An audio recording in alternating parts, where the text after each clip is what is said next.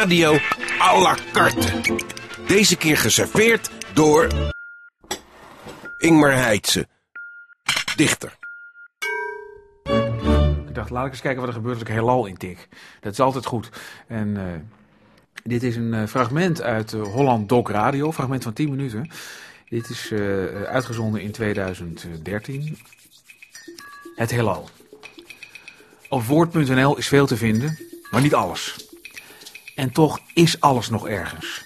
Het drijft verder en verder bij ons vandaan door het breinbrekend grote, inktzwarte vacuüm dat ons omgeeft.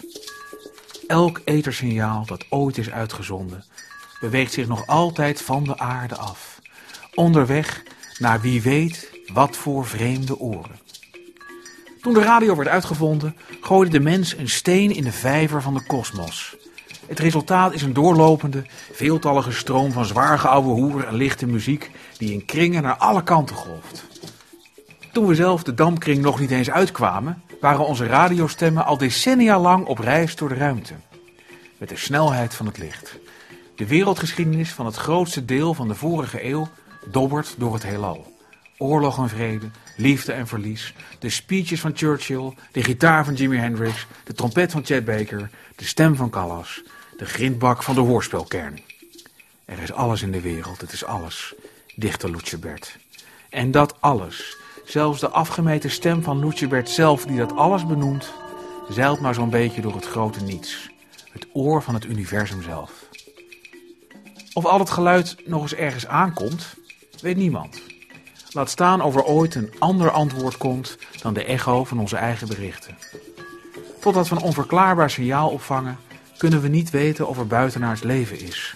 Of was, dat zoiets als de radio heeft uitgevonden. Op zichzelf kan het elk moment gebeuren dat er zo'n signaal binnenkomt. Misschien is het al miljoenen jaren naar ons onderweg. Misschien is het ons alweer voorbij en hebben we het niet gemerkt. Misschien is het er nu, maar luisteren we domweg niet op de juiste frequentie. Het is waarschijnlijker dat er vanuit de ruimte weinig meer komt dan kosmische ruis met hier en daar een Mexicaanse hond. Maar goed, wie de kennis en apparatuur bezit, kan het heelal zelf uit die ruis destilleren. Op de een of andere manier hebben de radio en de ruimte iets met elkaar te maken. Het onvoorstelbare grote onbekende laat zich geweldig vertalen in ruisend geluid. Een astronoom hoort daar informatie in.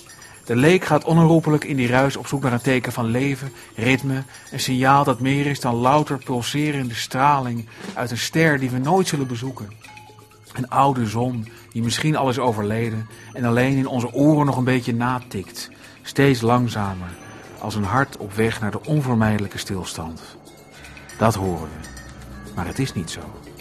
Het is wat het is. We zijn de enige wezens in het heelal die in alles steeds maar onszelf zoeken in de duisternis, met onze oor tegen de radio gedrukt.